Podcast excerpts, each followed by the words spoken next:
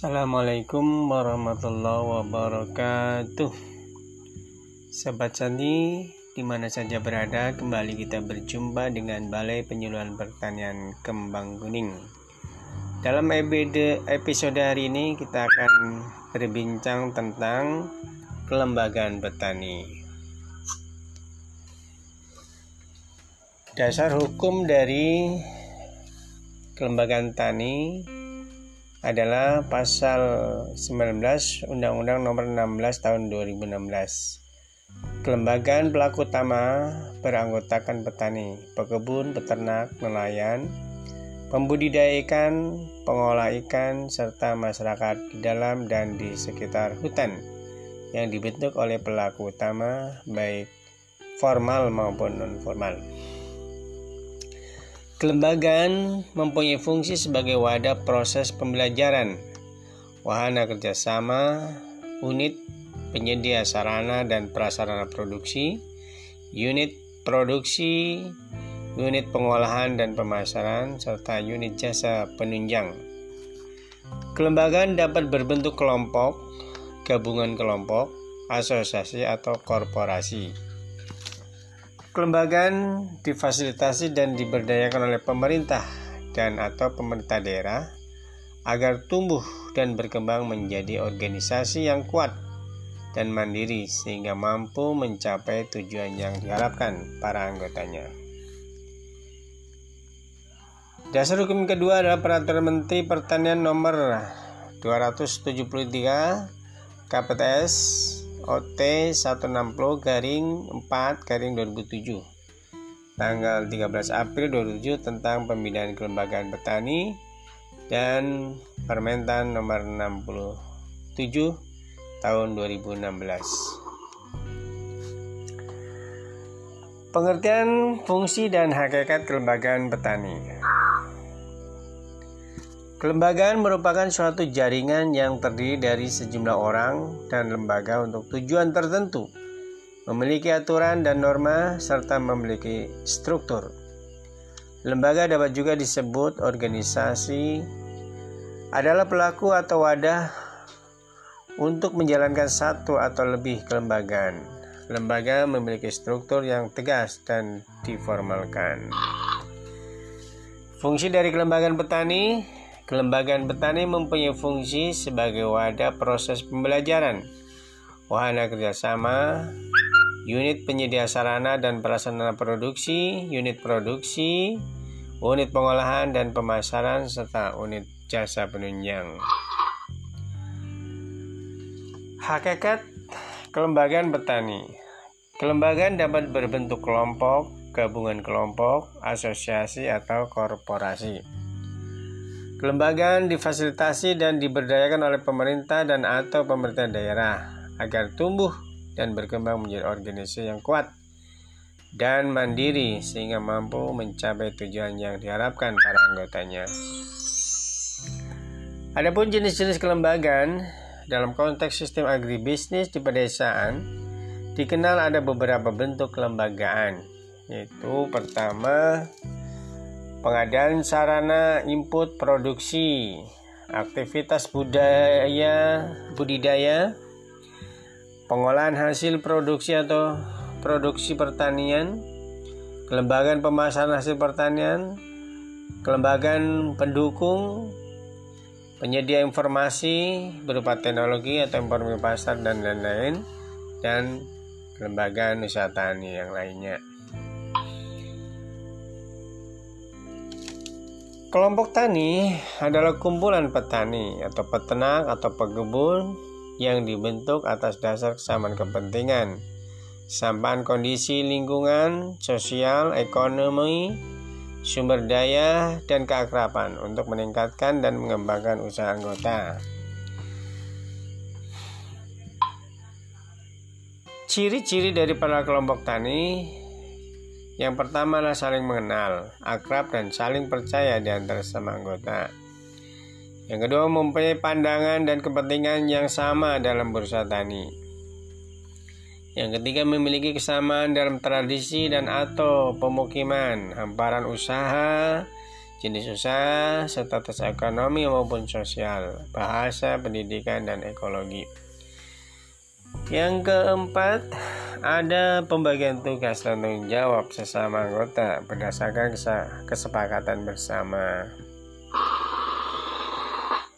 Adapun unsur-unsur pengikat kelompok tani, yang pertama, adanya kepentingan yang sama di antara para anggotanya. Yang kedua, adanya kawasan usaha tani yang menjadi tanggung jawab bersama di antara para anggotanya. Yang ketiga, adanya kader tani yang berdedikasi untuk menggerakkan para petani dan kepemimpinannya diterima oleh sesama petani lainnya. Yang keempat, adanya kegiatan yang dapat dirasakan manfaatnya oleh sekurang-kurangnya sebagian besar anggotanya. Yang kelima, adanya dorongan atau motivasi dari tokoh masyarakat setempat untuk menunjang program yang telah ditentukan. Fungsi-fungsi kelompok tani tadi di atas sudah kita sebutkan. Yang pertama sebagai kelas belajar, yaitu Wadah belajar mengajar bagi anggotanya guna meningkatkan pengetahuan, keterampilan, dan sikap atau PKS serta tumbuh dan berkembangnya kemandirian dalam berusaha tani sehingga produktivitasnya meningkat, pendapatannya bertambah serta kehidupannya lebih sejahtera. Yang kedua sebagai berfungsi wahana kerjasama untuk memperkuat kerjasama di antara sesama petani dalam kelompok tani dan antar kelompok tani serta dengan pihak lain. Sehingga usaha tani akan lebih efisien serta lebih mampu menghadapi ancaman, tantangan, hambatan, dan gangguan. Yang ketiga, fungsi kelompok tani adalah sebagai unit produksi. Usaha yang dilaksanakan secara keseluruhan harus dipandang sebagai satu kesatuan usaha yang dapat dikembangkan untuk mencapai skala ekonomi, baik dari segi kuantitas, kualitas, maupun kontinuitas. Dasar penumbuhan kelompok tani yang pertama, adanya kepentingan dan tujuan yang sama. Yang kedua, penumbuhan kelompok tani dapat dari kelompok-kelompok organisasi sosial yang sudah ada. Yang kedua, bisa petani dalam satu wilayah. Dapat berupa satu dusun atau lebih satu desa atau lebih. Yang ketiga berdasarkan domisili atau hamparan yang keempat, anggota kelompok tani 20 sampai 25 petani atau disesuaikan dengan kondisi lingkungan masyarakat dan usaha taninya. Kegiatan-kegiatan kelompok tani yang dikelola tergantung kepada kesempatan anggotanya antara lain jenis usaha, unsur-unsur subsistem agribisnis, pengadaan sarana produksi, pemasaran, pengolahan hasil, dan pasca panen. Prinsip-prinsip penumbuhan kelompok tani. Pertama adalah kebebasan. Kedua keterbukaan. Ketiga partisipatif. Keempat keswadayaan kelima kesetaraan. Dan keenam kemitraan. Pengembangan kelompok tani. Pertama adanya pertemuan pengurus secara berkala dan berkesinambungan. Yang kedua, disusunnya rencana kerja kelompok secara bersama dan dilaksanakan oleh para pelaksana sesuai dengan kesepakatan bersama dan setiap akhir pelaksanaan dilakukan evaluasi secara partisipasi. Memiliki aturan, norma yang disepakati, dan ditaati bersama. Memiliki pencatatan pengadministrasian organisasi yang rapi. Memfasilitasi kegiatan-kegiatan usaha bersama di sektor hulu dan hilir. Memfasilitasi usaha tani secara komersial dan berorientasi pasar. Sebagai sumber serta pelayanan informasi dan teknologi untuk usaha para petani umumnya dan anggota kelompok tani khususnya.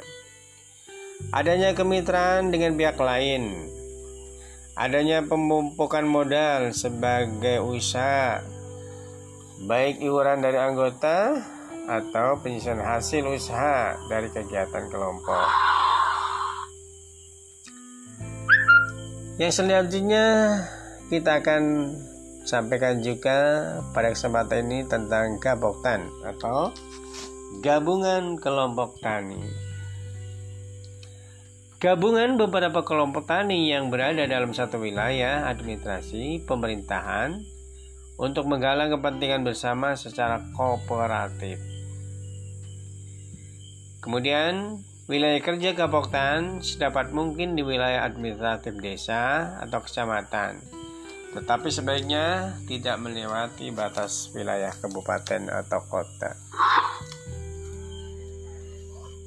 Juga pada kesempatan ini akan kita perkenalkan atau kita sampaikan fungsi Gapoktan. Yang pertama, sebagai unit usaha jasa produksi untuk memenuhi kebutuhan pasar, baik kuantitas, kualitas, kontinuitas, dan kestabilan harga.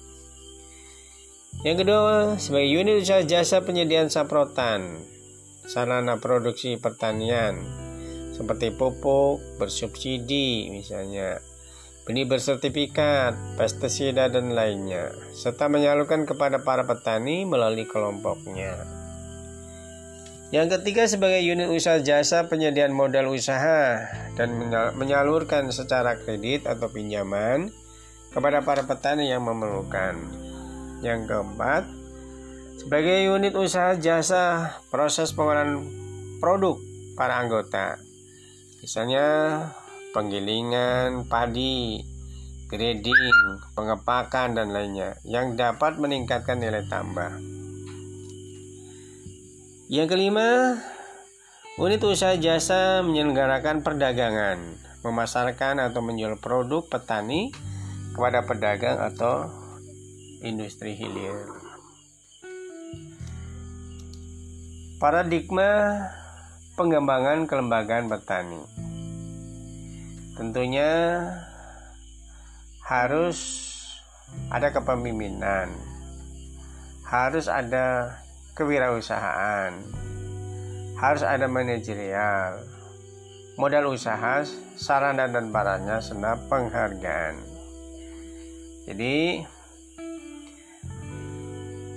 kelompok tani adalah gabungan dari para, para petani Sedangkan gabungan kelompok tani adalah gabungan dari kelompok-kelompok tani yang akan memberikan wahana kemitraan usaha. Jadi dalam gabungan kelompok tani ada beberapa unit yang perlu ada di situ. Mungkin pertama unit usaha jasa saprotan.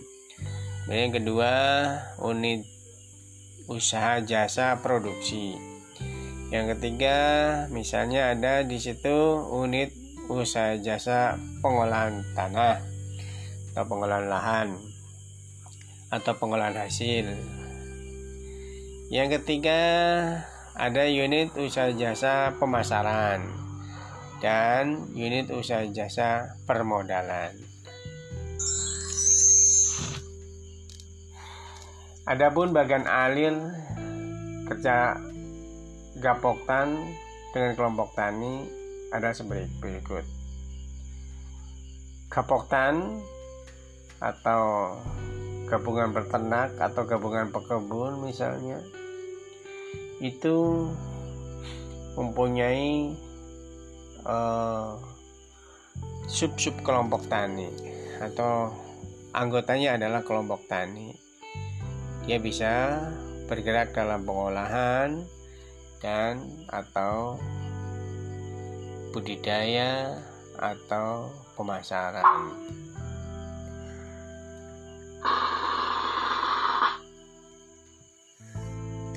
Kemudian perlu kita singgung juga di sini tentang pengembangan jejaring kelompok tani. Jejaring kerja merupakan proses aktif membangun dan mengolah hubungan yang produktif, luas, kokoh, baik personal maupun organisasi. Tujuan pokok dari jejaring kerja adalah mempersatukan bakat, potensi, kemampuan, baik secara individu atau kelompok, sehingga tercipta kemampuan yang semakin besar. Maka perlu dikembangkan kemitraan. Kemitraan itu sendiri adalah kerjasama antara usaha kecil termasuk petani dengan usaha menengah atau usaha besar disertai pembinaan dan pengembangan oleh usaha menengah atau usaha besar dengan memperhatikan prinsip saling memerlukan, saling memperkuat dan saling menguntungkan. Tujuan dari kemitraan itu sendiri adalah untuk meningkatkan pendapatan, kesinambungan usaha, meningkatkan kualitas sumber daya manusia dari kelompok-kelompok yang bermitra, peningkatan skala usaha, meningkatkan dan menumbuhkan kemampuan usaha secara gabungan atau dalam kelompok yang lebih besar. Untuk perusahaan mitra, perusahaan pertanian atau swasta misalnya, BUMN, BUMD yang melakukan kerjasama dengan kelompok mitra, misalnya dengan Kaboktan atau kelompok tani. Apa pentingnya membentuk kemitraan untuk usaha kecil? Nah, jadi pentingnya atau perlunya dibangun suatu kemitraan adalah pada umumnya, usaha pertanian oleh petani berskala kecil dapat dirancang dalam skala ekonomi yang berorientasi pasar dan terpadu dengan usaha lainnya sehingga menjadi komersial. Kemudian karena usaha agribisnis berskala kecil dapat terbantu dengan menanggulangi masalah-masalah yang ada. Usaha kecil dapat memanfaatkan kepedulian dari pihak BUMN atau pihak swasta. Pelaku-pelaku kemitraan atau kelompok mitra bisa petani itu sendiri, bisa kelompok tani, bisa gabungan kelompok tani, atau bisa koperasi atau usaha kecil lainnya. Sedangkan perusahaan mitra bisa perusahaan menengah pertanian, perusahaan besar pertanian, perusahaan menengah di bidang pertanian, misalnya perusahaan besar di bidang pertanian yang lainnya. Di dalam pengembangan kelembagaan tani perlu adanya kepemimpinan. Kepemimpinan industri adalah proses mempengaruhi perilaku orang banyak. Gaya kepemimpinan terbagi dua, yaitu satu otoriter, itu gaya kepemimpinan yang semua bersumber pada pemimpin dan sama sekali tidak melibatkan bawahan. Yang kedua, gaya demokratis, yaitu suatu gaya kepemimpinan yang tidak semua bersumber pada pemimpin dan melibatkan bawahan. Sifat-sifat kepemimpinan kelompok tani yang perlu dikembangkan. Pertama mempunyai rasa empati, kemudian menjadi anggota kelompok, bijaksana, lincah, dan beremosi stabil.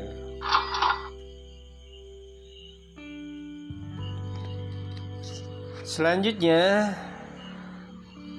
kita akan sampaikan spesifik kelompok yang lebih berhasil atau kelompok yang sukses harus mempunyai spesifik kerja yang khusus.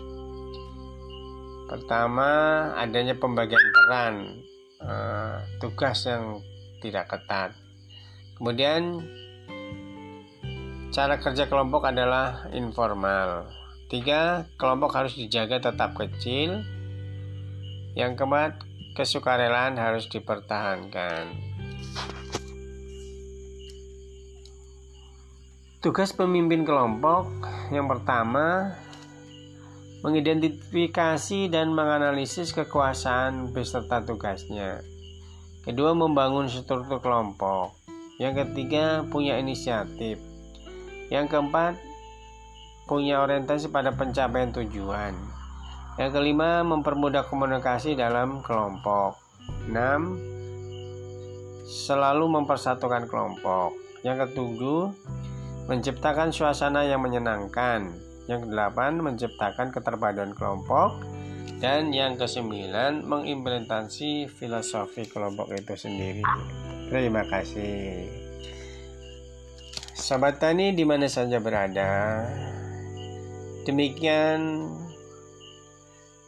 sedikit perbincangan kita tentang kelembagaan petani untuk menjadi kelembagaan petani yang maju, mandiri dan modern sehingga kelembagaan petani memberikan manfaat yang banyak terhadap petani-petani menjadi anggota di dalamnya maupun yang di masyarakat sekitar petani atau kelompok tani itu sendiri. Demikian uh, perbincangan kali ini. Semoga bermanfaat dan kita semoga bisa bertemu pada podcast berikutnya. Ada baik dan buruknya itu sama-sama kita maklumi. Assalamualaikum warahmatullahi wabarakatuh.